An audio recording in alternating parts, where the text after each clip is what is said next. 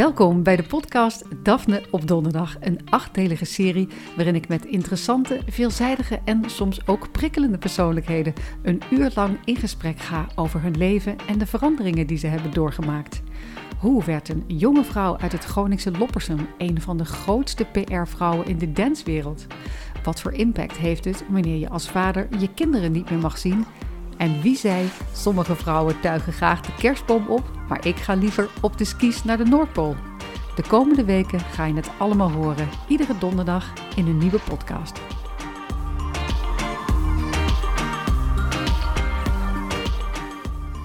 Je luistert naar de podcast Daphne op donderdag. Ik ben Daphne Dekkers en vandaag is bij mij het gast een man die in meer dan 25 landen de productie van tv-formats begeleidt. The Voice in Roemenië, Idols in Paraguay, X Factor in Kazachstan en Ukraine Got Talent. Hij was erbij. Ook in Nederland maakte hij allerlei programma's van de Sterren Playback Show tot Domino D-Day. Maar inmiddels is hij ook een online platform voor kunstenaars begonnen. Welkom in mijn schrijfhuisje Maurits Briet. Dankjewel, dankjewel. Nou, wat gezellig dat je er bent. Ja, um, full disclosure uh, voor de luisteraars. We hebben elkaar leren kennen um, toen ik Holland's Next Topmodel uh, ging presenteren. Uh, een programma dat jij al één seizoen had gemaakt. En ik weet nog dat ik dacht... wie is deze zeer innemende, maar ook enigszins luidruchtige man? Ik luidruchtig? nou, dat daar is... nou bij? en je bent natuurlijk wel heel aanwezig op een set. Uh, ja. Maar dat moet natuurlijk ook. Ja, ja. Ik, ik vind ook dat als je controle wil hebben over de situatie, moeten ze wel weten wie er is. Ja, maar dus, je doet het wel met humor allemaal. Ja, ik geloof wel heel erg dat, dat, dat een leuke werksfeer en een, een gezellige werksfeer en een sfeer waarin mensen het beste uit zichzelf kunnen halen, belangrijker is dan het meeste uit mensen halen en dat soort dingen allemaal. Dus dat, ja, dat probeer ik wel heel erg te doen. God, we zijn nog geen minuut begonnen of ik hoor al iets interessants. Het beste uit mensen halen, dat is dus iets anders dan het meeste uit mensen halen. Zeker, zeker. Ik, ik heb uh, werk heel veel met mensen, zeker ook in andere landen. En als je dat vergelijkt met hoe goed wij het in Nederland hebben, werken daar mensen voor, voor een, echt een hongerloontje voor, ons, voor onze maatstaven. En die werken gewoon zeven dagen per week, 18 uur per dag. En het gaat helemaal niet over ontwikkeling van die persoon. Het gaat niet over wat zij willen. Het gaat niet over waar ze naartoe willen. Het gaat niet over wat ze denken. Het gaat over, ga maar door, ga maar door, ga maar door. En dat is het meeste uit mensen halen. Maar dan uh, komt de creativiteit niet van een bovendrijven nee, natuurlijk. Ik, uh, ik, heb van de week nog uh, tegen een van de creative producers waar ik mee werk gezegd... creative people are not tired. so you have to be fresh. Ja, ja, precies, ja. Dat is, dat is wel waar het begint. En, ja, je kan, ik denk niet dat er veel aan, aan frisse nieuwe ideeën geboren kunnen worden... als je zelf iedere avond kapot naar bed gaat. Ja, als je gewoon geleefd wordt, op je tandvlees loopt. Ja. Hoe dan? Nou, ik merk zelf, omdat ik natuurlijk schrijf, weet je, dat ik de beste ideeën eigenlijk krijg als ik iets heel anders aan het doen ben. Als ik bladeren bij elkaar sta te harken, of als ik onder de douche sta, of ik, als ik een recept weer eens verkeerd sta te lezen, als ik iets probeer te maken in de keuken, dan opeens, terwijl ik met een ander hersengebied bezig ben of zo, schiet me een oplossing te binnen voor Ja. een hoofdstuk waar ik mee zat, of een nieuw idee wat ik heb. Maar dat wordt eigenlijk nooit geboren als ik heel erg onder Nee. druk sta of stress heb of zo. Nee, ik, ik, kijk, de, de tijd dat ik gewoon als consultant gewerkt heb, was heel fijn. Want ik, ik bedoel, je bent overal alert. Je bent, je bent de hele tijd eigenlijk aan het nadenken zonder dat je oh, heel erg gedwongen wordt om heel veel dingen te doen. Het klinkt misschien een beetje vreemd, maar... oh, en omdat je zo aan het nadenken bent, ga je eigenlijk steeds meer helikopterview kijken naar wat er gebeurt. En komt er veel meer ruimte voor oplossingen en veel meer ruimte voor het zien wat een probleem nou eigenlijk is. En veel meer ruimte naar, voor, voor, voor, voor je goed voelen en je fijn Ja. voelen. En waardoor ja, ook dingen zoals eh, als, eh, dat kunstplatform ontstaan zijn. Ja, leuk man. Daar gaan we het straks allemaal over hebben. Eh, het bleek al snel eh, dat wij uit dezelfde hoek van Nederland komen. Zeker. Zeker wel. Oh god, daar gaan we. Ja. Jij komt uit Groesbeek. En Zie- ik, nou, eh, ik, ik kan niet het goed. Nee, ik kan het al. Echt, ik word, dus mensen gaan me afmaken als ik Groesbeek ga praten. ja, nee, ja, het is- ik kom uit de Ooipolder bij Nijmegen. Dat ligt niet ver bij Groesbeek vandaan. Ja. En eh, toen wij eenmaal door hadden dat we zeg maar eh, uit, uit de buurt van Nijmegen komen, toen eh kon het... Ja, Ja. ik, als ik achter die pilaar, als die kastelijke wel. Ik moet Nederland- Nijmeegs praten als. Dat, is wel, ik weet dat schept op een of andere manier een band. Ja, zeker. Ja, dat heb ik altijd heel erg Ja, en dit is ook wel. In Groesbeeks kan ik eigenlijk niet hoor. Ik bedoel dat ik een paar woordjes ken. Ja, maar Nijmeegs waren. Neem ik ze een beetje neem ik kijken we natuurlijk aan, weet jij. Nee. Oh nee, dat is een beetje... Nee, goed, anyway. Je bent eh, over de hele wereld eh, eh, geweest. Je reist nog steeds ontzettend veel. Maar laten we eens in dat Groesbeek beginnen. Ehm, Over reizen gesproken. over reizen gesproken, ja. Echt het middelpunt van de wereld. Je komt uit een hele grote familie. Ja, ik ben jongste van tien. Tien stuks. Ja, ja. Tom, Frank en Ineke, Wilbert Antoinette, Maarten Hans Hanseke, Maurits Gert Yvonne. Dat heb je al vaak gezegd. Dat is een liedje wat geschreven is ooit. eh, eh, ik zal ook de melodie besparen. Maar, eh, Op een familiebijeenkomst. een of zo. familiebijeenkomst, de, de, de 25 jaar huwelijk van mijn ouders. Had jij het geschreven? nee, nee, nee, nee, nee, Nee. dat was een, een koor waar mijn vader vroeger zong. Eh, mijn ouders die zijn echt van 1926, of die waren van 1926. Die zijn inmiddels ook al, al 20 jaar dood, eh, allebei. Dus dat is al lang geleden. Maar mijn, eh, mijn vader was oudste van 12, mijn moeder was oudste van 10. En die dacht, nadat ze al, eerst al hun broers en zussen opgevoed hadden... Wat leuk, dat gaan we zelf Gaan we nog, een keertje doen. Maar echt. Ja, maar dus eh, tien kinderen, twee ouders. Is het ooit rustig in zo'n huis? Oh, ik was een nakomertje, dus ik, ik, ik bleef uiteindelijk over. Ben jij de jongste? De Echt, allerjong, ja. ja. Dus het zit, eh, ieder jaar, soms twee per jaar zijn er geboren. Dus over een periode van 13 jaar is mijn moeder eh, eh, elf keer zwanger geweest met één miskraam. Zo, dat is ambitieus. Ja, maar dat was ook de deal. Hey, tien kinderen en anders sodemiet hij maar op. Echt, was echt Zij wilde zelf tien kinderen. 100 procent. Ja, ze wilde tien baby's eigenlijk. Maar ze was even vergeten dat het ook weer pubers werden. Dus mijn moeder heeft 19 kinderen door de puberteit heen geholpen. Nou, dat gun je je ergste vijanden niet. Oh, oké. Ja. Dat, klinkt, Nee, dat klinkt als een interessante jeugd, laat ik het zo zeggen. Ah. Maar toch is het wel fascinerend. Hè? Er zijn mensen die houden van baby's en er zijn mensen die houden van kinderen. ja. En dat is best wel een verschil. Ja. Sommige mensen houden, en dan vrouwen ook vooral, heel erg van die babytijd en die tutteltijd.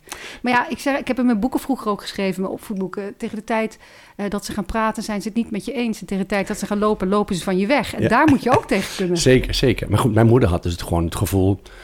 Dat lastige heb ik al gehad. Zodra mijn oudste dochter oud genoeg is, ga ik zitten breien en aan de sherry. eh, metaforisch gesproken. Maar de tijd veranderde, waardoor zij dus nog helemaal door moest. En mijn oudste zus dus gewoon nou, mocht gaan werken. Dat was helemaal niet de bedoeling. Zo was zij zelf natuurlijk niet opgegroeid. Nee, ze ze moest denkt, gewoon, oh, die eh, kinderen gaan elkaar opvoeden. Maar dat pakt anders uit. In de, de, de, de, dat kostershuis naast de kerk zat ze daar de hele kerk schoon te maken. En dus alle broers en zussen op te voeden. Oh my god. En daarna nog eventjes eh, tien kinderen baren. Ja. Je hebt nu zo'n hele populaire serie, hè? Het Huis Vol. ja, Met van die hele grote gezinnen. nooit gezien. Nee, nooit gezien. Nee, dat hoeft. Nee, want je hebt het al. You've been there. Je hoeft dat niet te zien. Thanks. Maar had Ja. je het gevoel van eh, bij ons thuis vroeger had ook wel een camera opgekund? Eh, dat is een goede vraag. Ehm, ja, natuurlijk. Ja, ik denk het wel. Maar ik bedoel, het is... eh, Als tien kinderen zijn, dan heb je een soort groepjes. Die zitten er met die, die zitten met die, die zitten met die. En je hebt eigenlijk alleen maar oog voor jouw groepje. En eh, je ziet eh, elkaar tijdens het eten. En eh, als je geluk hebt, zie je elkaar bij de afwas. En oh, oh, soms werd een oudere zus wel gevraagd om even een boek voor te helpen lezen of zo. Maar eigenlijk was daar niet zoveel... Er zit ook veel leeftijdsverschil tussen, denk ik. ja, maar kijk, op zich 13 jaar is eigenlijk Ja. niet zo lang. Niet Nee. zoveel. Ja, maar een baby of iemand die net de puberteit ingaat, die heeft Ja. natuurlijk niet heel veel. eh, Ja, met andere heb jij het gevoel ehm, dat je ervan iets van hebt geleerd eh, opgroeien in zo'n groot gezin? Heeft het jouw karakter gevormd? Oh, totaal. Kan je Ja. goed tegen chaos? Ja, ik kan heel goed tegen chaos. Ik eh, kan heel goed van hak op de tak springen. Ik kan heel... ik heb ook heel erg... Kijk, de reden, de reden waarom eh, ik zo op een set kan staan... is omdat ik geleerd heb om te zorgen dat ik wel gezien werd. Ja. Hallo, I'm here. Ja, hier ben Hier, hier hè, ben En je ik. kan Ja. goed met groepen omgaan, denk ik. ja, ik heb geen enkel probleem met groepen. Nee, Ja. nee nul. Ja, er zijn mensen die slaan helemaal dicht als ze voor een groep staan. Maar dat eh, moment heb ik bij jou nog niet echt... eh, Nee, ik vind Meegemaakt. het eh, heel leuk. Duizend man, heel leuk. Echt, eh, ga ik heel lekker op. Wat me wel heel bijzonder lijkt, is dat je met zo'n groot gezin ben je ook bijna een soort lid van een clan of zo. Weet je, dat overal waar je komt van hé, hey, je bent een, een broer van of eh, allemaal zussen overal. En Ja. het is een soort van, altijd een soort groepsreis. Ja, het, het, het- Oh, in, in Groesbeek, waar ik opgegroeid ben, heb ik dat nooit zo beleefd. Maar ik was natuurlijk ook gewoon de Benjamin. Dus ik denk dat met mijn broers en zussen dat dat wel zo was. Oh, eh, maar goed, op het moment dat ik al, al, wat was het, uh, 14 was, was eigenlijk bijna iedereen het huis al uit. Dus, oh, ja. ja. natuurlijk, ja. Maar ben je um, verwend als Benjamin of had niemand er juist meer zin in, in nog een baby? Ja, ik, ik, ik denk net zoals dat een klein gezin heeft het ontzettend veel zijn voordelen en zijn nadelen. En ik, uh, ik zie al, al, echt ook wel voordelen. Ik bedoel, weg, wegen zijn geba gebaand voor mij.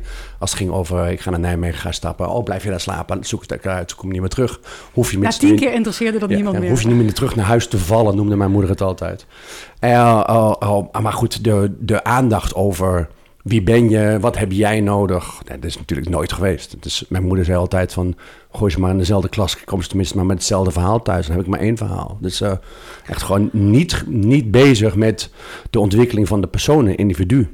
En de enige manier om gezien te worden is inderdaad om gewoon uh, of een schreeuwer te zijn of een janker te zijn. Dat zijn eigenlijk de twee opties. Nou, ik heb voor de eerste gekozen. je hebt voor het schreeuwende deel gekozen. Zeker. En waar, uh, waar droomde jij van? Wat, wil, wat, wat ging je studeren? Uh, ja, ik, ik ben eigenlijk heel snel de creatieve hoek in gegaan. Fotografie fascineerde mij heel erg. fotovakschool gedaan. En eigenlijk daarin heel snel doorgerold naar uh, agent voor fotografen. Uh, ik, was, uh, ik was 21 en toen had ik Maurits Productions. Het begon al vroeg eigenlijk. Super, super. Ik was agent voor, voor een paar mode-reclamefotografen uit Nederland. En, maar zo jong al? Zeker, ja. Het is wel grappig. Ik had hier uh, een tijdje geleden uh, José Woldring. Zij uh, komt uit, uit, uit Groningen ergens. En zij is al heel jong, begon zij een PR-agency, zeg maar, voor DJ's. En zij is uitgegroeid tot een van de grootste PR-mensen in de dancewereld eigenlijk. Um, dat fascineert mij enorm dat je, dat je 21 bent... En gewoon denkt, ik begin een agency, ik ga anderen vertegenwoordigen. Waar, ja. waar komt dat zelfvertrouwen dan vandaan? Nou, eigenlijk was het, ik was een fotograaf aan het uh, assisteren. En uh, oh, het was heel grappig, want ik, ik, kwam in Amsterdam wonen. En oh, ik leerde iemand kennen en uh, die zei, kom je me assisteren? Nou, superleuk. Oh, voor het eerste keer gevlogen, ik was 21 voordat ik de eerste keer van het vliegtuig zat.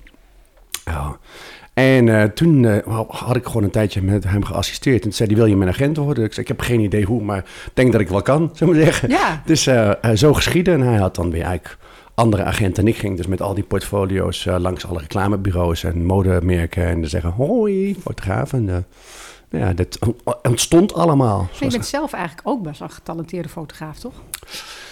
Uh, nee, dat zou ik niet, nee? nooit durven zeggen. Nee, nee. Toch heb je best veel gefotografeerd, professioneel. Nou, ik, ik, ik, ik, vond, ik vond het heel leuk. Ja, ik, vind, ik zou het niet zo snel professioneel durven zeggen. Kijk, uh, ik heb wel heel veel met fotografie gedaan. En fotografie is wel iets wat, wat ik heel mooi vind en wat wel in mij zit. Maar ik ben echt gestopt met fotografie omdat ik vond dat ik gewoon uh, dat alles al gedaan was. En ik voelde me zo oh, zo ge, ge, geblokkeerd. Ik kon geen kant op. Dacht of je niet dat je een vernieuwer zou kunnen zijn? Nee, ik, en ik, was, ik ben geen kunstenaar. Dus uh, bedoel, als je Erwin Olaf bent en je maakt iets wat bijzonder is in eigen identiteit. Maar als je dan weer zo'n modefotograaf. En, oh, oké, okay, ga nu op een andere manier. Oh ja, precies dezelfde look. Maar het is dan, oh ja, dus dit is mijn prachtigste werk. Ik voelde het gewoon niet. Ik had zoiets, oké, okay, ik ben. Ik voel me gefrustreerd met het feit dat ik iets doe wat eigenlijk allemaal al gedaan is. Ja. En als je inderdaad dan kunstenaar bent, dan kies je voor die, voor die, voor, voor, voor dit is je visie en die dingen. En daar ga ik voor en daar wil je in investeren. En daar wil je bij wijze van spreken ook gewoon nog arm voor blijven, omdat je daarin gelooft.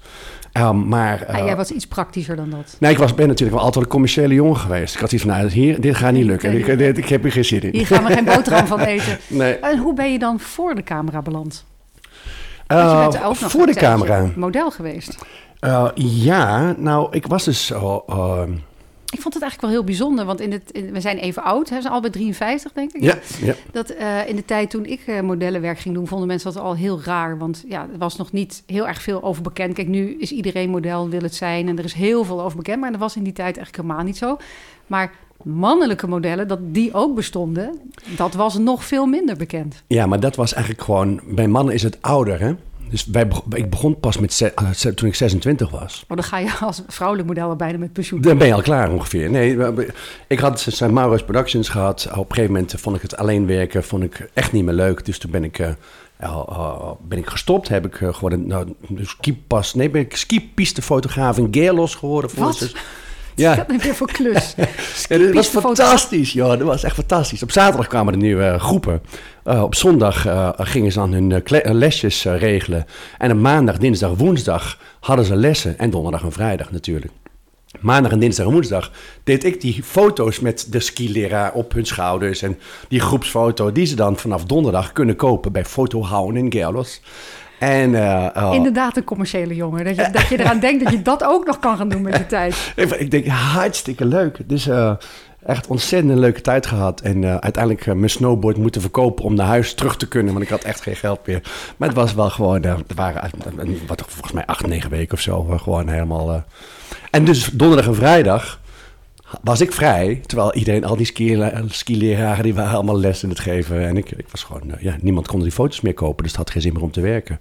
Dus dan was ik lekker aan het skiën. Ja. Eh, Donderdag, vrijdag, zaterdag. En dan zondag begonnen we weer opnieuw het rondje. Maar hoe kwam je aan in Milaan terecht als model? Oh, ik dacht van...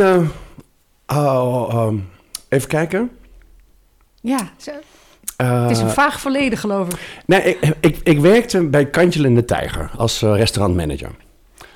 En daar kwam een Amerikaanse regisseur... kwam daar binnen en die zei... You gotta do something with your face. Oké. Volgende scène, eh, eh, ik speelde een mooie scène met Dirk Lind. Eh, in de televisiefilm Remember. Ik ook. Zat jij daarin? Ik zit erin. Nee, weet je, de, de Ik scène... zit daar ook in. Ja, ja. Ik ben de vriendin van de fotograaf. Echt waar? Ja, die hoofdrolspeler die is fotograaf en ik speelde zijn Amsterdamse Wij, vriendin. wij zitten in Wij dezelfde... zitten in dezelfde film. Wat is dit nou? Ik Jij zat daar ook in? Ja, één scène. Hè. Ik, ik was in de stopera, tenminste ze deden alsof het in de was, net voordat die bom naar buiten ging. En, Ja. eh, komt er, Dirk komt er aan en die wordt dan gechanteerd door de. En, dus, en ik kom als een als een security guard aanfietsen. Echt zo zullig, echt niet te geloven. ik heb de film echt super grappig. Ik kom aanfietsen. Excuse me sir, you can't park here. En hij rukt me van de fiets af en schiet me dood. Dat was het. Dus het was een hele korte Tragisch scène. einde, zeg Tragisch maar. einde van een mooi begin. Maar Eh, die regisseur, dat was dus John Hurtsveld. yes. Nou ja. Ja. Je gaat het in something with your face. Dat zijn dezelfde. En die zat heel graag bij Kantjil en de Die Tijger. zat heel graag Een zo. Indonesisch restaurant, Ja, inderdaad. ja in die zat eh, daar eh, minstens twee, drie avonden per week. Maar Dus, jij eh, hebt die film thuis en het is je nooit opgevallen dat Daphne Deckers er ook in zit? Ah, schat, je bent overal. Wat, ja, gewoon. ah. Ik vind dit wel, dit schept een band. Hè? Jezus, Ongelooflijk, ja. we hebben dezelfde film gezeten. Ja. Maar you did something with your face. Je werd eh, doodgeschoten in je eerste rol. En toen eh, oh, oh, dacht ik, oké, nou ga ik doen. Dus toen ben ik eh, me in gaan schrijven bij eh, wat... oh, oh, toen wilde ik me inschrijven bij een bureau. Toen dacht ik, oh, weet je wat ik even moet doen? Dan ga ik even naar Milaan. En dan ga ik portfolio laten maken. Ja, Dus ik heb op de nachttrein eh, naar Milaan daar naartoe gegaan. Echt, gewoon echt. Ik, ik was laatst weer in Milaan.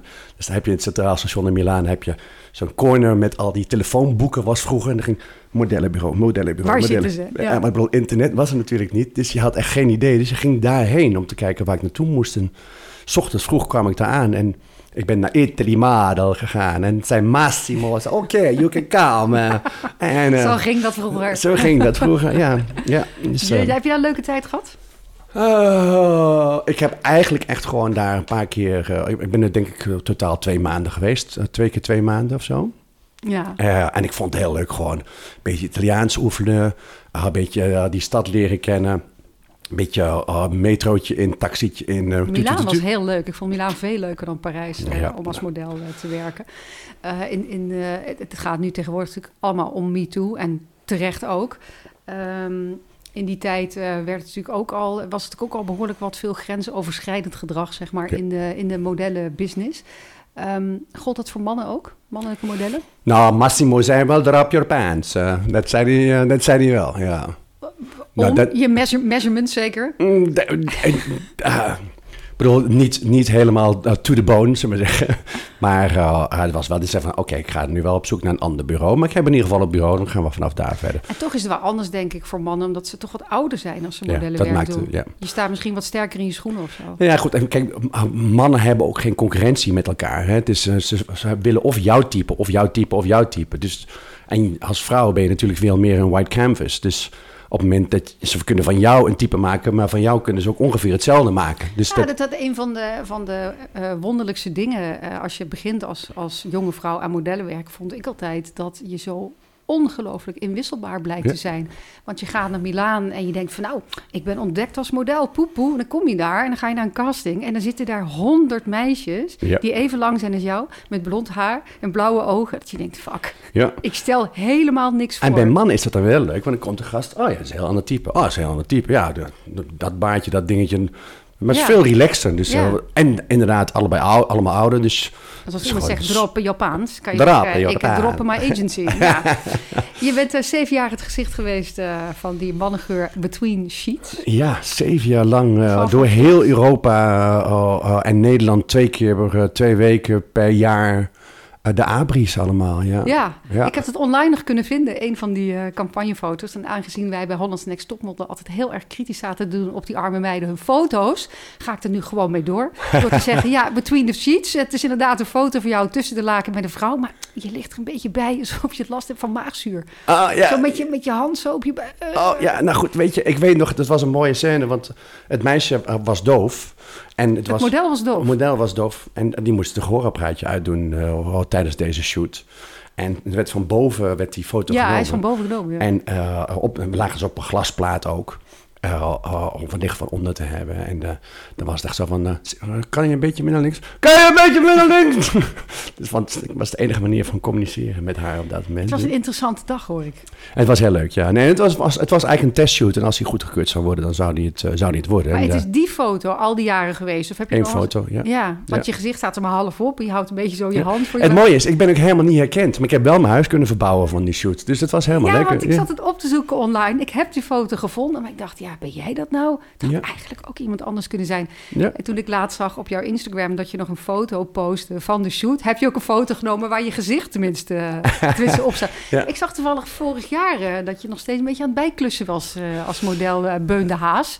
Nou, voor ja, Boomsma distilleerderij of zo. Ja, ja, ja, ja. Nou, op een gegeven moment in, oh, in corona was het natuurlijk allemaal rustig. Dan denk ik, oh, nou, ga ik wel even foto's laten maken en die even naar bureaus gooien. En dan heb ik een paar klusjes overgehouden. Maar bedoel, mijn modellencarrière mag geen naam hebben hoor. Nee, maar ik vind het wel leuk dat je nu in de, in de Silver Fox uh, categorie zit met je grijze haar. Wat ik ook erg om gelachen heb, is dat ze jou op de foto hadden gezet met een, dat je een LP aan het luisteren bent. Ja. We zijn nu serieus eh, in de LP-categorie. oh eh, god, ja. Zijn, nou ja, de, de pick-up is weer helemaal hip. Ik bedoel, de, niet de pick-up truck, maar de pick-up als in voor de jonge luisteraars. Ja, ja. vanaf je Walkman kun je dat zien. Ja, ja precies. Ja. Maar mijn dochter bijvoorbeeld, uh, die vindt dat uh, heel leuk. Een pick-up en dan een echte LP erop. En dan met die Vinyl is hot as hell, absoluut. Ja, ja. absoluut. Ik denk dat er toch misschien een beetje, of misschien wil ik dat graag denken, omdat het uit onze tijd is, maar een beetje authentiek geluid uitkomt of zo. Ja, ik vind het een beetje geromantiseerd, eerlijk gezegd. Ja, ja, denk je dat het gewoon populair is omdat het oud is? Ik, ik, ik denk dat, dat... Kijk, over DJ's kan ik niet praten, want daar heb ik geen verstand van. Maar ik denk dat gewoon de, de charme van... van een half uur later moet het ding weer omdraaien. En je, je, je kiest echt bewust in plaats van de, de, de, op de iPhone, nou, volgende, volgende. Maar dat je echt denkt, oké, ik wil als ik dit nummer niet wil afluisteren, moet ik nu opstaan en moet ik die naald gewoon 10 centimeter verder leggen. Maar toch vond ik het iets bijzonders hebben, want je ging dan een album kopen en dan de, de, de albumart, hè, de, de, de, dat was ook altijd heel bijzonder. En dan haalde je dan die LP eruit en die zat aan fase van dat knisperpapier. Ik weet niet, ik vond het toch allemaal wel wat hebben. Oh nee, maar vroeger zeker hoor, dat was magisch. Ja, dan ging je een singeltje, had ik gespaard, ging ik oh. één singeltje halen. En duur was het, Jezus Christus. Ja. Ja, klopt. Een, een, LP voor 25 gulden. Nou, dan moest je, was je wel even. Hoor. Daar was je even mee bezig, Jezus, inderdaad. Maar het grappige is natuurlijk dat de muziek is nu zo knijterhelder... doordat het allemaal uh, digitaal is dat de jongeren van nu dat, dat krassende, dat warme van zo'n LP juist weer heel charmant ja, vinden. Het, het, ja, ik, ik, ik, kan me dat wel voorstellen, maar ik denk inderdaad dat het gewoon inderdaad de entourage, de hele, de hele uh, niet-vluchtigheid van de, de, de, de Spotify of wat dan ook, dat, je, dat je gewoon echt en bewust gekozen wordt. Bijna alsof je een televisie hebt en dat je gewoon naar de televisie moet lopen om op een andere zender te zetten. Dat zal ook al helpen gewoon. Ja, ja. Ja, we zijn wel een beetje polygoonjournaal nou, hè, met ja, Dames en heren. Onze leeftijd begint die doorheen te schijnen. Um, uh, na Holland's Next Topmodel um, ben je zelf nog een tijdje in de modellenbusiness gegaan. Door met Marianne Verkerk, onze catwalk coach, uh, de Model Convention te beginnen. Het was eigenlijk wel een, eh, een heel goed idee, die Model Convention. Zeker, zeker. We hebben, oh, Model Convention brengt eigenlijk gewoon de top van de internationale modellen scouts direct in contact met mensen die de ambitie hebben om iets in de modellenbusiness te doen. Zo, elevator pitch. ja, deze zin heb je vaker gebruikt. Die die heb ik, ja, dus de bedoeling was eigenlijk dat je alle scouts uh, van grote bureaus, die bracht je bij elkaar in ja. één ruimte. En daar konden dan mensen naartoe die graag model wilden worden. Zodat ze dus niet helemaal naar Milaan hoeven of helemaal naar Parijs. Maar je brengt ze allemaal samen in de RAI, was het? Of de jaarbeurs? Ja, is, we hebben het meerdere plekken gedaan. We, hebben denk ik iets van twintig edities gedaan uh, uiteindelijk. Dus uh, uh, ja, dit, dus, eerst uh, stelden we dan stelden we alle kandidaten op hun gemak. Die liepen een keer over de, over de catwalk. Marianne gaf ze een beetje catwalkles. Dan stelden al die bureaus voor die echt vanuit New York, Parijs, Tokio... allemaal invlogen naar die dingen toe, naar de, naar de, de Model Convention toe. Dan liep iedereen één voor één over die catwalk. Number 25, Daphne. En uh, daarna liepen ze met twee foto's langs de scouts. En uh, de scouts zeiden dan, oh, die en die en die heb ik wel interesse. En je hebt een soort ranglijst hè, van models.com. Ja. En op een gegeven moment was het zo dat van de top 100 waren er 10 mensen wereldwijd op de Model Convention ontdekt. Oh ja? ja. Dus het is eigenlijk wel heel succesvol geweest. Ja, het was gewoon, was gewoon de snelste verbindenis naar gewoon de topscouts. Dus als je naar een modellenbureau zou gaan en zeggen, ik ben leuk moet je maar net hebben dat die scout daar is. En, vaak kom je niet verder van, voorbij de receptie uh, met je boek of je stuurt foto's en je weet niet welke foto's. Tegenwoordig mag je alleen maar iets mailen en dan hoor je ja. meestal nooit meer wat. Dus eigenlijk was dit wel. Maar ja, er waren natuurlijk ook uh, behoorlijk wat mensen die niet gevraagd werden of die nee te horen kregen. Maar ja, zo werkt het in die business natuurlijk ook wel. Maar dan weet je het ook maar. Ja, maar dan hoef je niet al die steden af. Ja, at least you know, right? Ja. ja. Dus uh, nee, maar uh, door, uh, door corona is dat allemaal... Oh, het online scouten is veel, veel makkelijker geworden. En we waren eigenlijk bezig om helemaal... sterker nog, de website is al klaar. maar om in Amerika het allemaal te gaan doen. Ja. Maar toen kwam het hele gebeuren met, met Trump en Black Lives Matter... en, en de, de hele wereld die ongeveer in elkaar stortte. En toen dachten we van nou...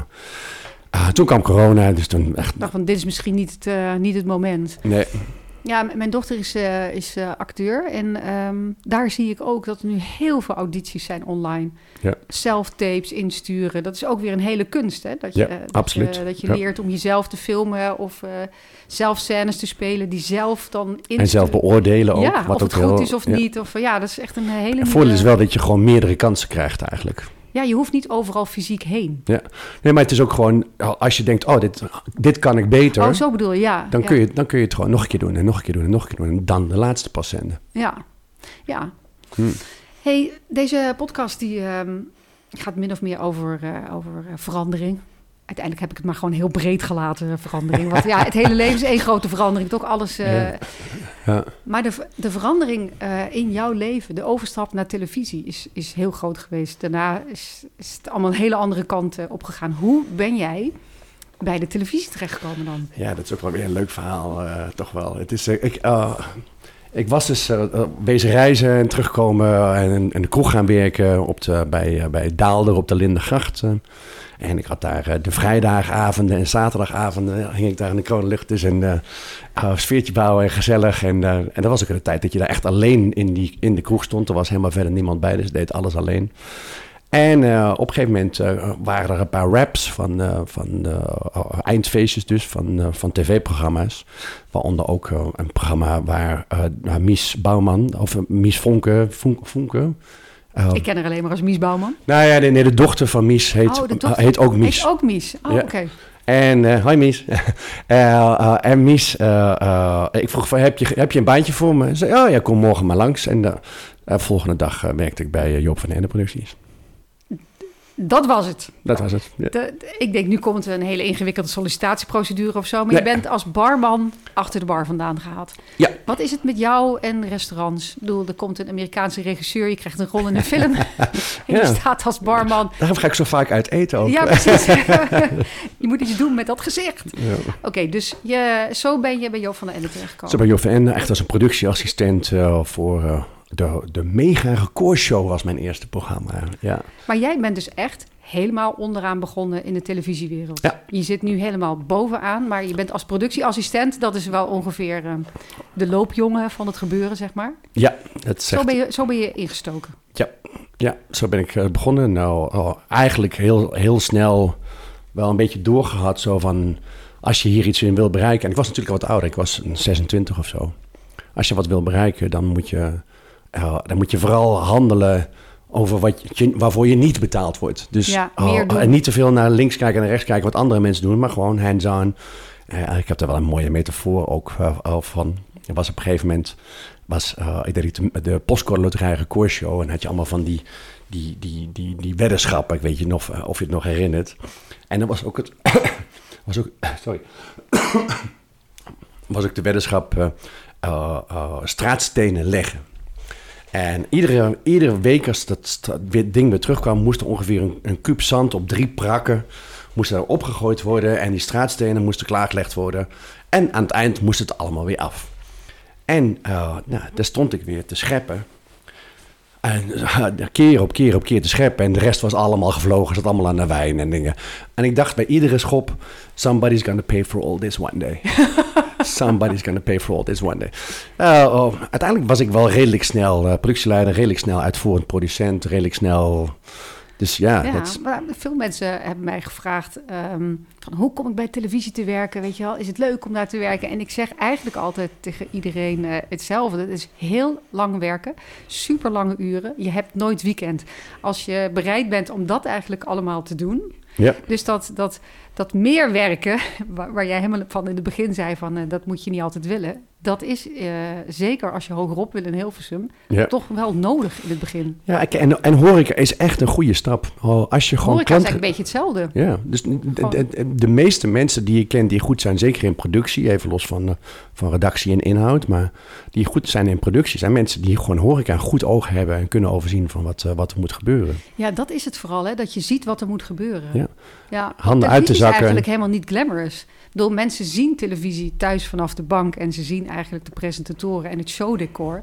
Maar daarachter is het gewoon een, ja, echt een fabriek. Nou, maar wat natuurlijk wel leuk is, is dat, dat vind ik het allerleuke aan televisie, is dat het zijn wel eh, veel spraakmakende mensen. Het zijn spraakmakende gebeurtenissen, het zijn spraakmakende plekken. Het is, het is grappig, het is het is, het is nooit hetzelfde. Het is, nooit echt. Als mensen zeggen, ik, heb, ja, ik, ik ben iedere dag bij een andere klant. Die vinden dat niet hetzelfde. Nou, ik vind dat nog steeds hetzelfde. En uh, dit, mijn, mijn leven, mijn televisieleven is echt oprecht nooit hetzelfde. Je voelde je meteen eigenlijk als vis in het water. Ja, nee, goed. Endemol, uh, Job van de Ende Productie stond toen nog niet heel erg bekend uh, om de goede betalingen en zo allemaal. Dus ik had zoiets, jezus, moet ik nu echt gewoon voor een appel en een ei dat gaan doen. Dus toen dacht ik, nou, dan moet ik maar gewoon snel carrière gaan maken. Dat lijkt me het beste. Ja, want jij uh, bent eigenlijk een beetje ingestoken uh, in het begin van de commerciële televisie in Nederland.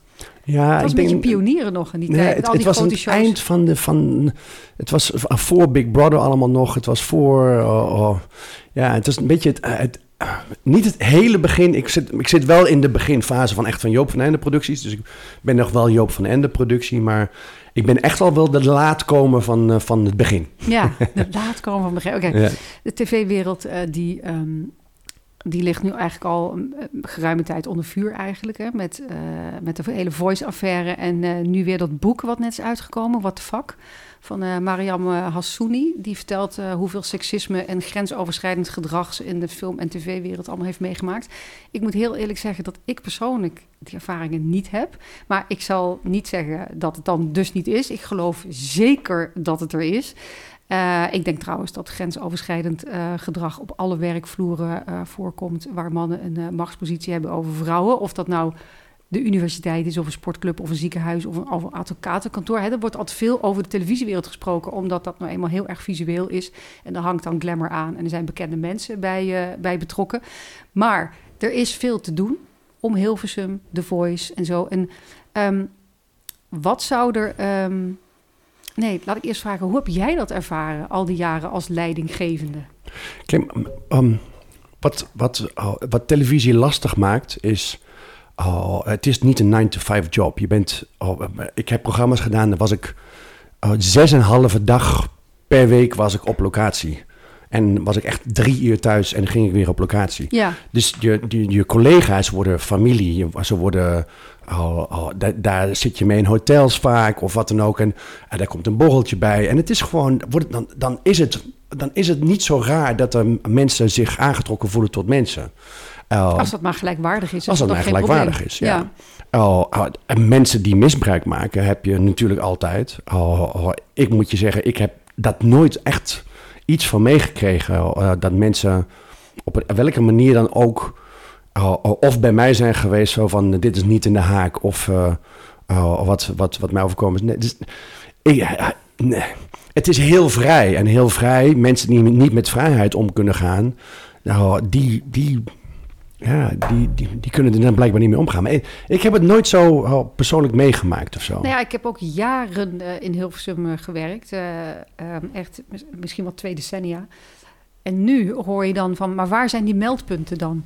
Weet je, waarom waren er geen meldpunten? Waarom zijn er geen vertrouwenspersonen? En dat was er eigenlijk allemaal niet. Dat nee. is er nu allemaal wel.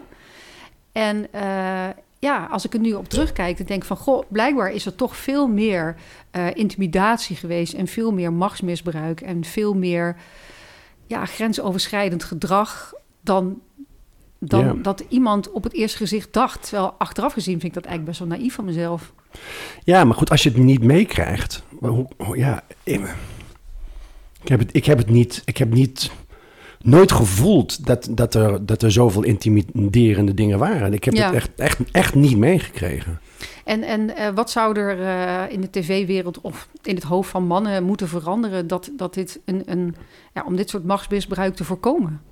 Ja, nee, goed. In eerste instantie, hoe de fuck do you think you are? Weet je, ja, als man. Ik bedoel, uh, waar, waarom denk je dat je daar iets mee moet doen? Ik, bedoel, ik ben sowieso geen voorstander om relaties te hebben op het werk. Uh, en bedoel, hetgene wat ik nu ook in, het, uh, in Kroatië, waar ik nu werk en doen ben, dus ik heb echt een scheiding tussen werk en privé daar.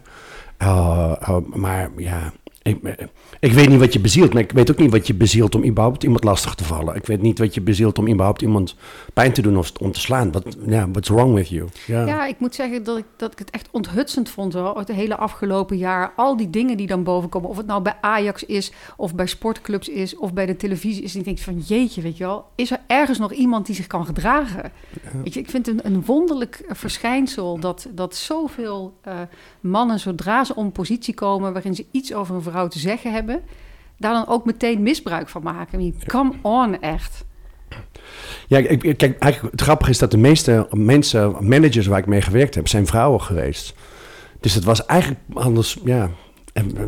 Dit, dat hele traject was er niet. Ja, dan kom je toch een iets meer. Ik zal niet zeggen dat vrouwen dit soort dingen niet doen. Maar nee, het is op een andere manier weer. Snel, uh, want uh, ik weet ook dat uh, bijvoorbeeld in de internationale modellenbusiness, dat heb ik nog meegemaakt, was zo'n hele overgang van dat de meeste bureaus werden gerund door mannen, maar dat liep altijd uit de hand. En op een gegeven moment werden ze bijna allemaal gerund door vrouwen. Ja.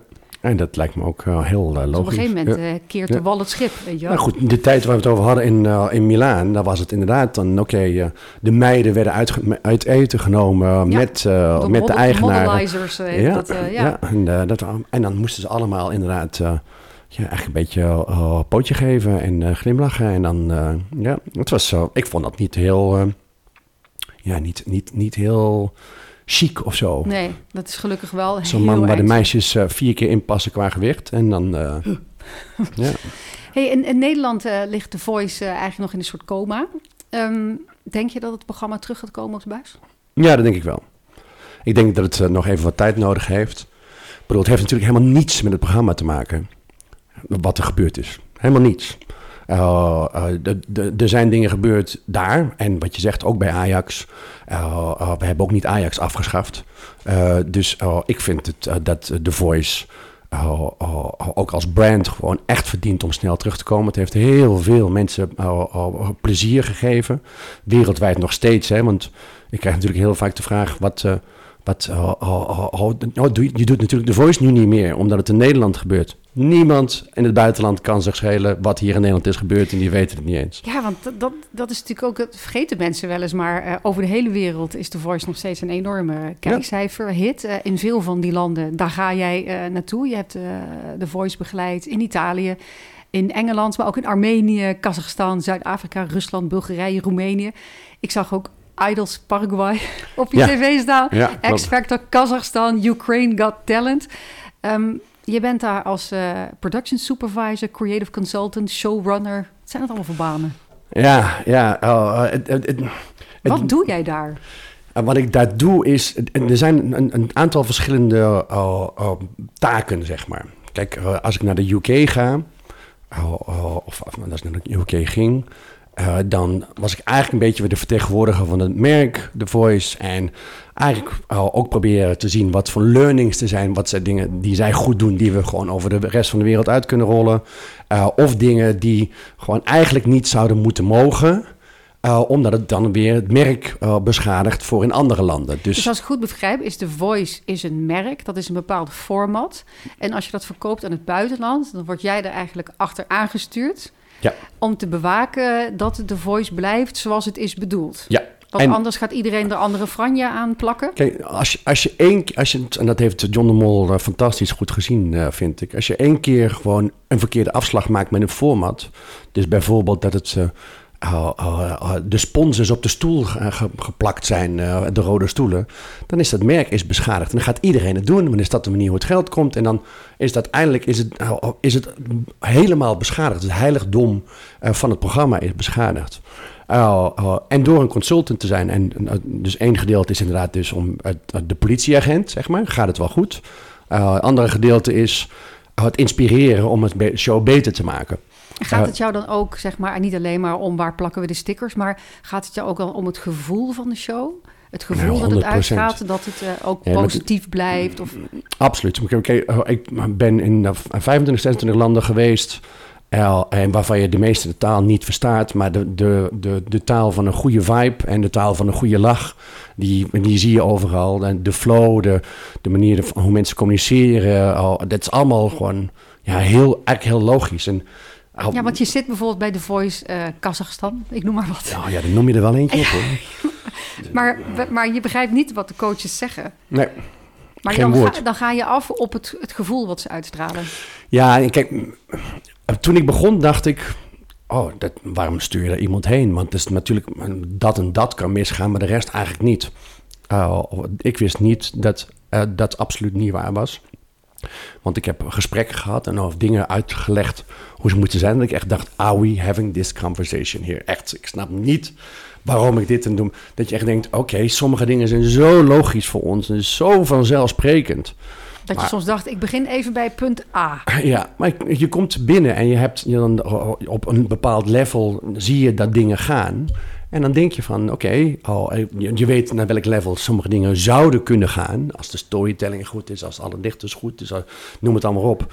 Maar je kunt niet binnenkomen en zeggen van, je, zit op level A en je moet op Z zitten. Dus kom maar, ga maar mee naar Z. Dus je probeert gewoon mensen te motiveren en te enthousiasmeren om via B naar C naar D naar E naar F te gaan. En de volgende keer weer naar G naar H naar I naar J.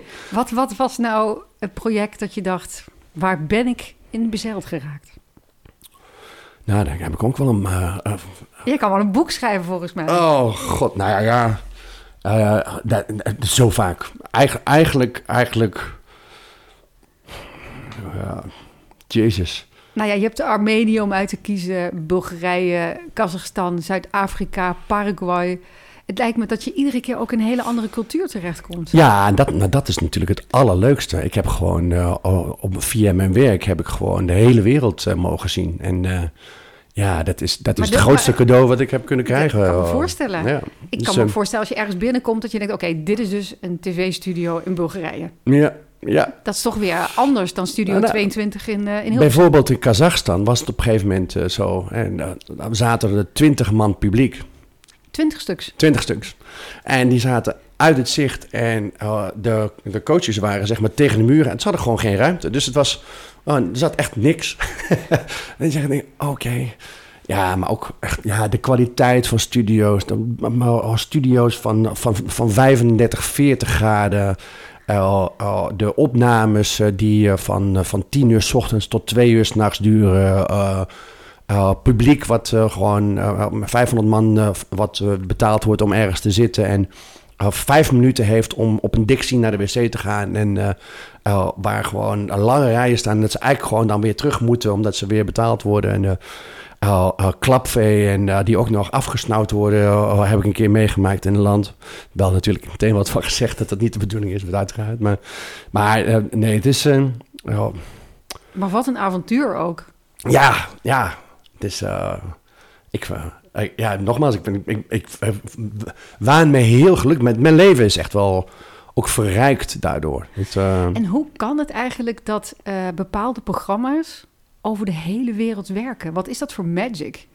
Want het maakt dus blijkbaar niet uit waar je de X-Factor doet of, of uh, Got Talent of The Voice. Nee, maar als je gewoon bedenkt dat... Kijk, ik werk nu dus in Kroatië bij RTL. Daar ben ik dan de hoofd van, van, van de, de productie, de content kant. Mhm. En wij doen daar Married at First Sight, Masked Singer, Idols, uh, noem ze allemaal op. Al die dingen.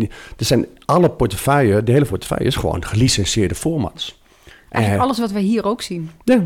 Ja. En dan, dat, dat, ik vind dat zo bijzonder. Dat, weet je wel, eh, dat waar je ook bent op de wereld, mensen houden van hetzelfde. Ja. Mensen zijn allemaal hetzelfde, welke cultuur het eigenlijk ook is. Ja, en er zit een, cultuur, een cultuurslag zit daarin. Hè? Ja, maar toch wordt het de liedjes voor The Voice zijn, zijn niet overal hetzelfde. En, uh, nee, maar, gewoon het idee dat... Uh, ja, vooral ook iets met zingen. Zingen is toch wel iets wat mensen heel erg verbindt. Talentenjacht is natuurlijk al zo oud als de, als de mensheid bestaat ongeveer. Dus, uh, ja, dat is altijd gewoon.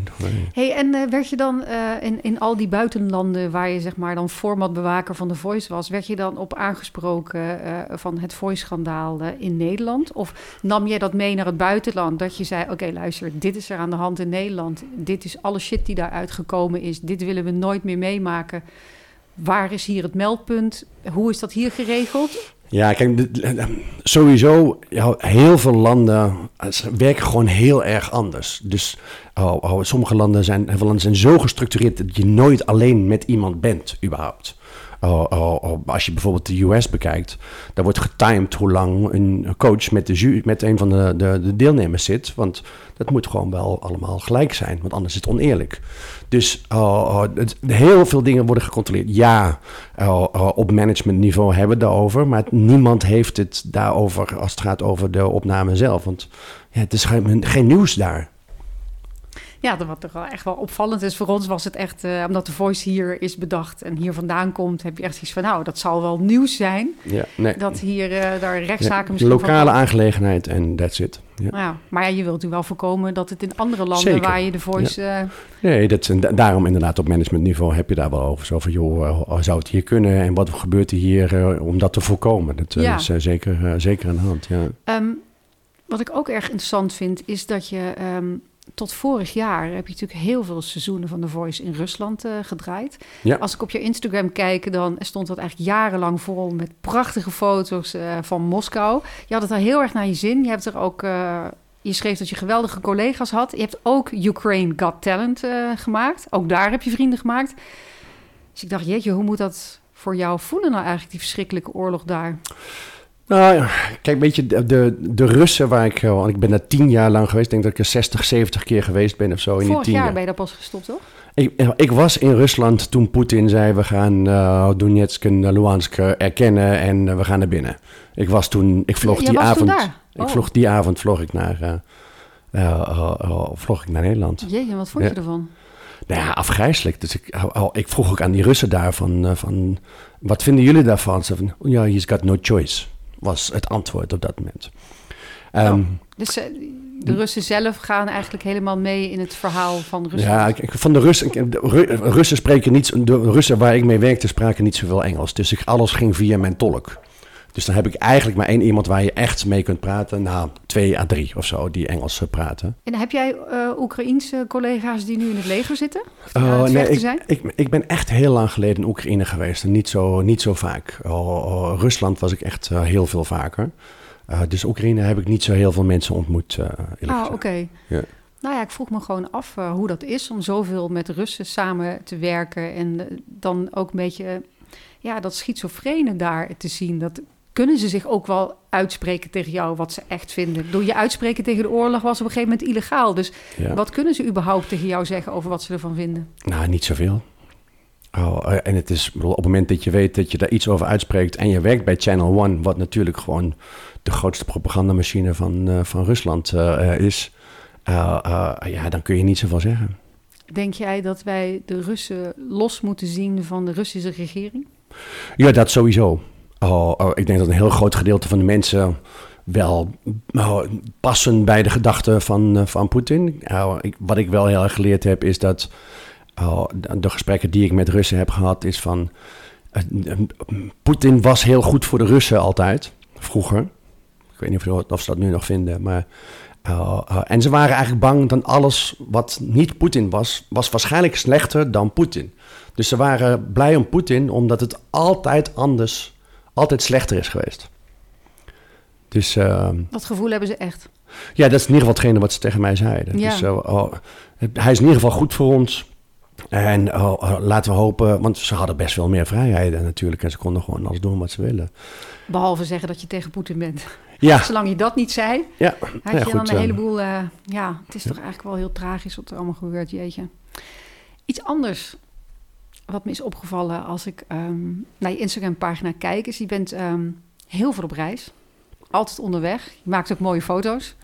Dank je. Eh, heel veel van die cosmopolitische foto's. Ik vind het ook nog steeds heel leuk om te zien hoe jij dan precies ergens iets uithaalt. Iets met kleur of iets met zwart-wit. Of het kan ik toch nog steeds zien dat je erg goed bent in het maken van Mhm. foto's.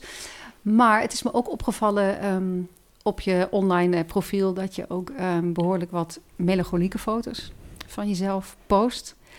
Foto's van je twee dochters met ik mis jullie in mijn leven. Ehm, als je thuis komt in Amsterdam, dan schrijf je I'm home, where are you? Eh, dan zie ik je op prachtige plekken staan in Griekenland, Thailand. En daaronder staat dan ehm, You know I miss you. Dus ik dacht, je hoeft geen psycholoog te zijn om te zien dat jouw vele reizen ook een diepere laag heeft. Het heet natuurlijk niet voor niks een vlucht. Nee, ja, nee, mooi.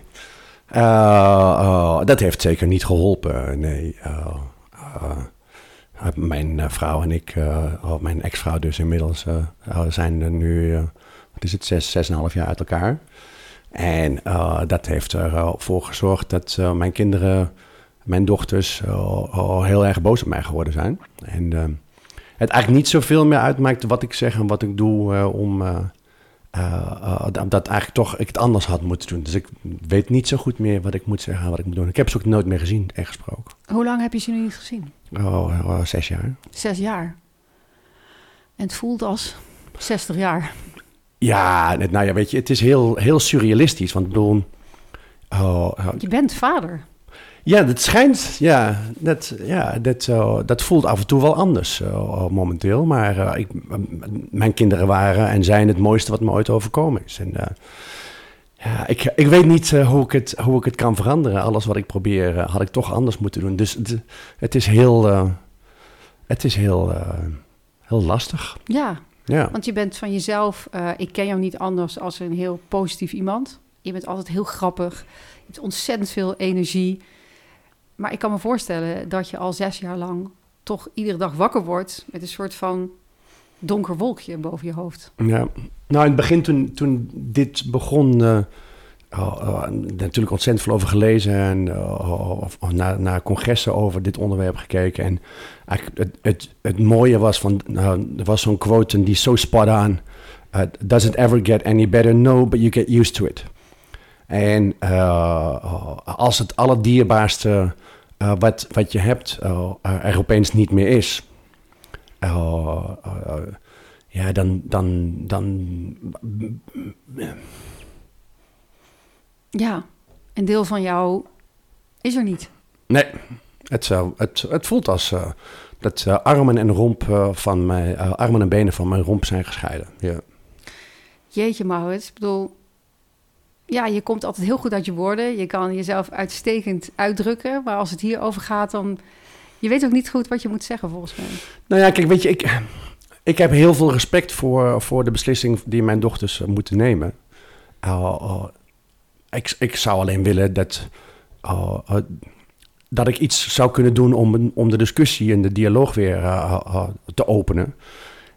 En dat is tot op vandaag niet gelukt. Sterker nog, heeft eigenlijk alleen maar averechts gewerkt. Dus ik ben ook bang om het verkeerde te zeggen over dit. nu ook? Heb je het gevoel van misschien moet ik er maar niks over zeggen? Oh, oh ik, ik, ik vind het, heel, ik vind het wel heel, heel vervelend als zij mijn woorden zouden opvatten om nog bozer op mij te worden. Dat, uh, dat zou me heel erg, dat zou me nog meer raken. Dat is niet de reden waarom ik doe wat ik doe. Ja. Jeetje, ja. Maar je hebt al heel veel geprobeerd.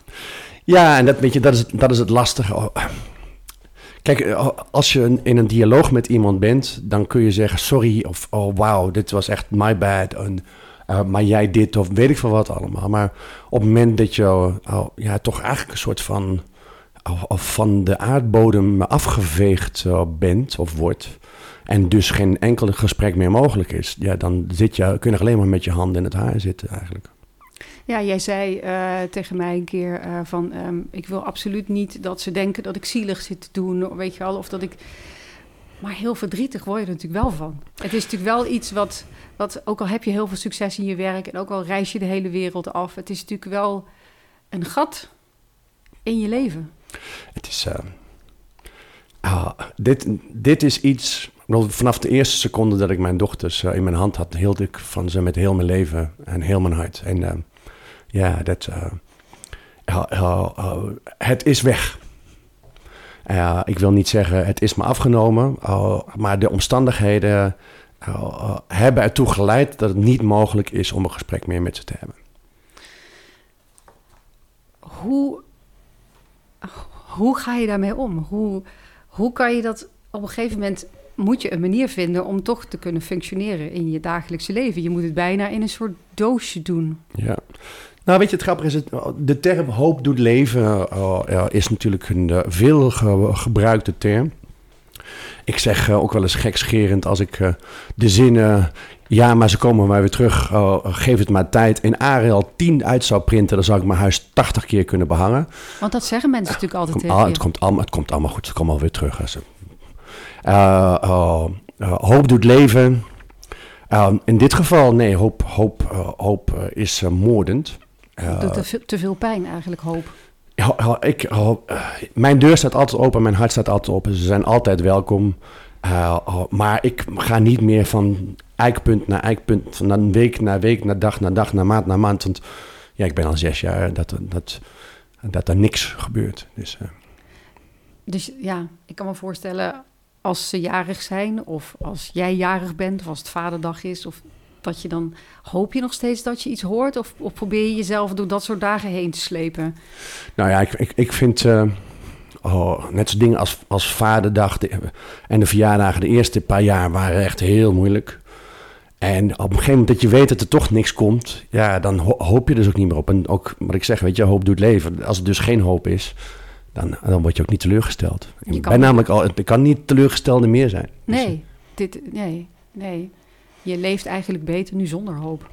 Ja, terwijl echt wel, mijn leven zou weer volledig en compleet zijn als ik ze weer in mijn leven zou mogen verwelkomen. Maar uh, en de deur staat altijd open en ze zijn altijd welkom en wil alles voor ze doen. Maar, uh, ja, het is bijna oud en nieuw. Um, denk je nou bij iedere jaarwisseling zou dit het jaar zijn dat? Of probeer je dat ook maar te parkeren als met vuurwerk allemaal weer in de lucht gaat? Dat is dan weer hoop, dus dat, nee. Dan begin je niet meer aan? Nee. Nee, maar je deur staat altijd open? Altijd, ja. Oh. Um, even iets positiefs. ja, ik ben er zelf ook uh, ben er erg door geraakt door wat je, wat je zegt. Uh, je hebt jezelf... Um, op Instagram echt jaren hashtag Greyman genoemd. En mij is opgevallen dat sinds jij samen bent met Flora, en dat is nu 2,5 jaar geleden, heeft niet alleen, het een hele bijzondere naam trouwens, Flora, want ik zie gebeuren op jouw tijdlijn dat niet alleen jouw foto's kleurrijker worden, maar ook gelukkiger. En dat die hashtag Greyman, die gebruik je niet meer. Nee, nee die, uh, die Greyman uh, is gone. Yeah. Ja, zij heeft wel een heel positief effect op je leven. Ja, en ze is ook uh, handvol. ik heb de handen vol, hè, moet ik zeggen. Ja, nou, gelukkig zij niet. Ja, nee, nee. ja. Ja, shame on us. Nee, uh, uh, we, doen het, we doen het heel leuk samen. En uh, bedoel, ik woon nu dus in Kroatië. en we zien elkaar ieder weekend of hier of in Kroatië. Zij werkt ook in de televisiewereld. Ja, ja, ja. ja. Dus, en ja, dat is wel heel gezellig en dat is wel heel fijn. Ja.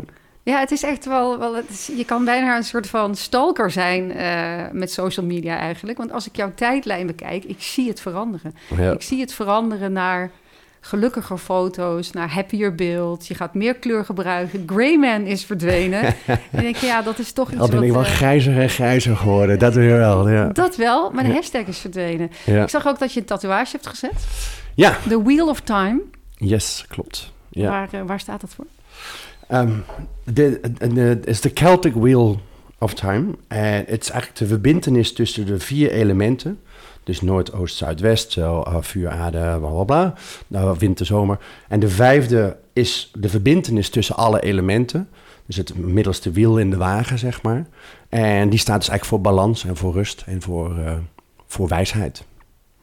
Is dat wat je zoekt, hoopt te vinden? Zeker, zeker. Ja, ja en ik vind, ik vind de ambitie naar, naar uh, balans en wijsheid en rust... vind ik, wel, vind ik een hele mooie ambitie. Uh, en ik, moet je zeggen dat, wat ik eerder het gesprek ook al zei... het, het feit dat ik uh, in het hele consultancy... heb ik mezelf ook wel eens een professional waiter genoemd... I wait all fucking day. dus uh, uh, dat is... Ik dacht eigenlijk dat je Ober bedoelde. Ja, ja, ja. Nee, nee, dit is maar echt waiting. Ja, maar sowieso, uh, film, tv, het is heel veel wachten. Ja, maar dus dit, dat hele wachten heeft mij ook... Oh, want ik heb een druk hoofd. En ik ben druk voor mezelf. Dat zal je niet verbazen. maar dus, ik ben heel erg de ruimte om na te denken. En ik vind grootste geschenk wat je als mens kunt krijgen, denk ik, is tijd om jezelf te horen, om, om na te kunnen denken. En in de wereld waarin alles zo gehaast is, is het feit dat je gewoon zes uur in een vliegtuig kunt zitten en dus niks kunt. Of alleen uh, op een hotelkamer of een lobby of wat dan ook. Je wordt heel erg op jezelf teruggeworpen. Ja, en het ja. zorgt ook dat je gewoon de balans van, van, van de rust uh, en van je hoofd ook heel erg vindt. En, ja. Ja, en dan ontstaan er ook weer nieuwe creatieve ideeën, want uh, dat brein van jou, dat staat nooit stil. onlangs heb je een nieuw project gelanceerd, Artist Attic Online. Yes. Wat is dat? Artist Attic Online is eigenlijk geboren door ik zat eh, aan het kerstdiner eh, bij, eh, bij Flora, bij mijn vriendin. En haar moeder is kunstenaar en de vriend van haar moeder is kunstenaar. En uh, een zeer uitgesproken, excentrieke man. Gewoon mening, weet je wel? Mening. En ik dacht, jezus, wat een mooi type. Daar zou ik wel echt gewoon een documentaire van willen maken.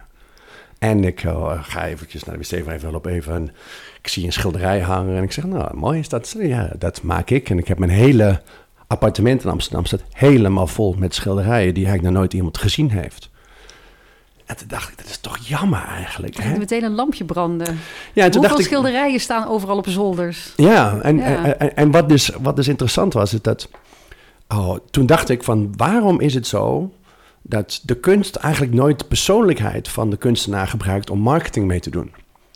En waarom is het zo dat er zoveel kunstwerken gewoon voor het oog voor het grote publiek gewoon nooit zichtbaar zullen zijn. Ja, nou, sommige kunstenaars lukt dat natuurlijk wel. Zeker. Met, Bijvoorbeeld met, Banksy of zo. Zijn hele persoonlijkheid is dus dat niemand weet wie het is. En dat ja. creëert dan een maar dan ben je al succesvol geworden. Dan, ja, precies. Ja, maar ja. kijk, waarom gebruikt de kunst niet zozeer de, de uitgesproken persoonlijkheden? Vanuit als programmamaker vind ik de, de kunstenaars veel uitgesprokener dan de gemiddeld min op de bank. Dus die, die, die, die mensen, die persoonlijkheid, de manier van denken, hun passie, hun leven, hun liefde. Ja, als je die gewoon in beeld kunt brengen, dan krijg je een ander beeld bij het kunstwerk. En het is gewoon, dat voegt iets toe, eigenlijk. Ja, adding, ja. adding heart to art is ook een van de, de punchlines. Uh. Adding heart to art, oh, dat vind ik heel erg mooi. Dus jij uh, bent een, een, een, website eigenlijk begonnen... waarin ja. je alle, allerlei kunstenaars hebt verzameld... die je ook, daar ben je eigenlijk portretten van gaan maken, videoportretten. Ja, bij videoportretten van maken. En, en belangrijk is, kijk, heel veel van die kunstenaars zie je die kunst niet van... omdat ze gewoon niet goed zijn in marketing. Dus Artist Ethic Online uh, uh, is helemaal gebaseerd op het no cure, no pay. Dus niemand hoeft iets deel te betalen om deel te kunnen nemen aan Artist Ethic Online. Uh, wel, als je, je betaalt commissie natuurlijk als je dingen verkoopt. Maar, uh, en, er zit geen abonnementsgeld aan Er zit geen abonnement. Dus in principe als ze gewoon na twee jaar niks verkocht hebben... dan alle kosten die ik gemaakt heb, die worden dan weggestreept... en dan kunnen ze alles weer terugnemen. En op die manier wordt gewoon het platform... wordt zichtbaar wat anders onzichtbaar zou blijven. En hoeveel kunstenaars heb je al geportretteerd? ik heb nu 20, 21 kunstenaars geportretteerd. Uh, we zijn van, voor de zomer live gegaan, ook in de verwachting van het, het, wordt natuurlijk zomer en dan wat drukker en zo. En nu, ja goed, het is natuurlijk een, een lastige periode nu. Hè, maar als het gaat over aanschaffen van kunst voor. Ja, want eigenlijk, de Arts Ethic gaat over het feit dat er zijn heel veel mensen die niet wisten dat kunst betaalbaar is. Ja, bij kunst denk je altijd aan dingen die in, uh, in het Rijksmuseum hangen. Ja, precies. Maar er is natuurlijk ook betaalbare kunst. Ja, want kijk, als je voor, voor 700, 800 euro een authentiek schilderij aan de wand kunt hangen, dat is natuurlijk gewoon fantastisch leuk. En als je een nieuw huis koopt, en ja, je kunt naar de IKEA gaan en daar gewoon een schilderij kopen van, uh, van of een, een, foto kopen van New York.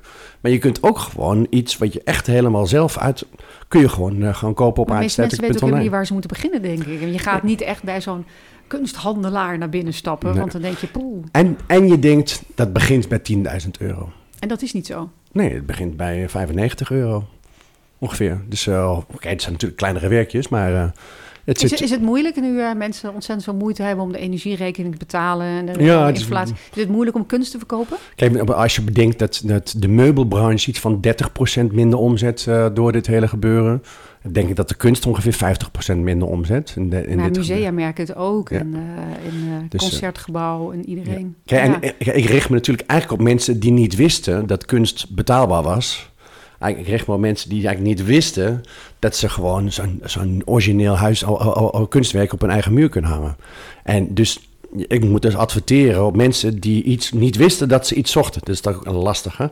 Maar eh, ja, dus dat, dat is nog een trajectje natuurlijk. Maar... Ik, heb, uh, ik zal nooit vergeten, het was uh, Koningsdag. En ik ging met Emma hier op de brink, hier in het dorp, gingen we dan, weet je al, iedereen verkoopt troepjes en dit en dat. En Emma die kocht iets, ik weet niet meer wat, volgens mij was het een video van Barbie en de noodkraker of zo. En toen zei ze, ik heb nooit geweten dat ik dit altijd heb willen hebben. Ja. Toen dacht ik, dat is marketing. Ja. dat is marketing. Precies, dat, ja. dat, dat, je, dat je niet weet dat je het altijd hebt gewild. Ja.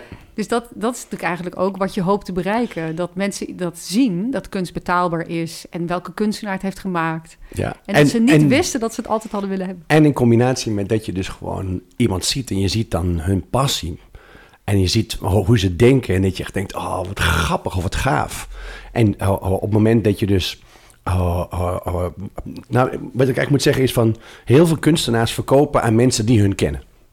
Ja. Dus in een inner circle. Dit is een soort van gunnen en een soort van... Ja, maar hoe kom je buiten die circle? Dat is moeilijk. Precies. Ja. Dus dit platform, artistathic.online...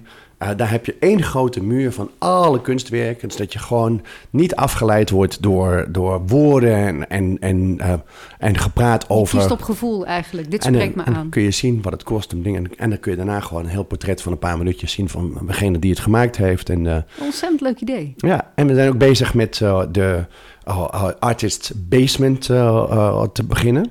En de basement is eigenlijk heel veel mensen ik moet eigenlijk ergens anders beginnen. Vroeger had je een vrouw voor het leven, had je een huis voor het leven en had je kunst voor het leven.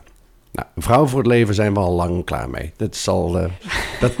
hey, hey, hey. Ik hoop nog steeds een tijd getrouwd te blijven, maar ga door. Ja, ja, ja.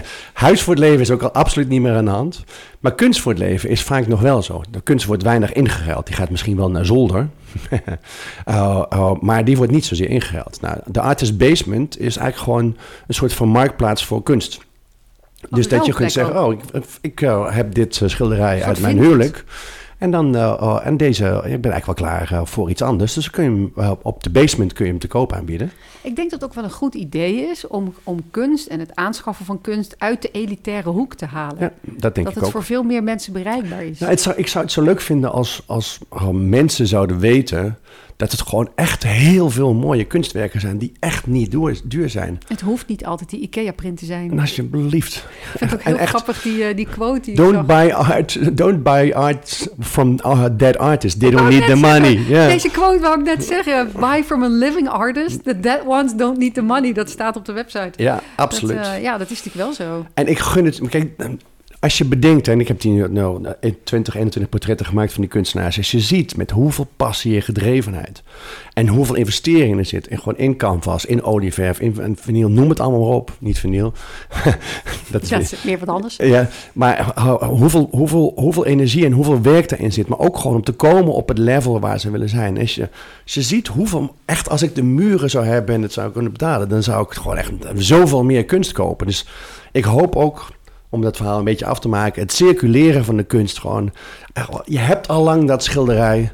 Kan die niet naar de slaapkamer en ga je even iets leuks kopen, iets anders en helpen ze ja, kunstenaar. Of ruil hem in, of ruil hem om. Of ruil hem in in de basement, ja. Ja, hoe heet de website? Uh, artistattic.online. online, oké. Yes. Nou, bij deze. Ik heb nog een laatste vraag eh, voor je die ik aan iedereen stel. Um, als je terugkijkt op de afgelopen tien jaar, wat denk je dan? Oh my god. Oké. Ja, nee. Dat is, uh, dat is vrij duidelijk, uh, ja. Maurits. Nee, dit, uh, turbulent is understatement. absoluut. Ja. Misschien moet ik aan jou vragen. Over tien jaar, hoe wil je er dan bij zitten? Nou, ik, ik, ik, ik ben oh, heel blij dat ik vanuit de consultantkant nu de broadcasterkant op gegaan ben. Dus ik geef nu leiding aan het hele creatieve team van RTL in Kroatië. Uh, uh, en ben daar dus al die programma's aan doen. En ik, ik hoop heel veel meer mensen te mogen inspireren door uh, in mijn werk als, als, als programmamaker. Dat het gaat over het, het, meest creatieve versie van jezelf zijn. En creativiteit eerst moet staan in, ja, ja, in, in je leven. En dat je daar in combinatie met goed voor jezelf zorgen en dus ruimte hebt om na te denken over wat je moet verwerken, mm dat, je, dat je daarin tot hele mooie creatieve ideeën kunt komen waar we allemaal heel blij van worden. Ja. En je deur en je hart blijven altijd openstaan. Dat sowieso. Dankjewel. Dank jou. Je luisterde naar de podcast Daphne op donderdag in gesprek met Maurits Briet. Wil je meer weten over zijn bijzondere website voor kunstenaars? Ga dan naar www.artistaddict.online. Wil je meer van mij lezen? Ik heb een nieuwe bundel uit met 75 columns. Hij heet De Zorgen zijn voor morgen. Klik ook even op de volgbutton, dan blijf je op de hoogte, want volgende week is er weer een nieuwe Daphne op donderdag. Tot dan!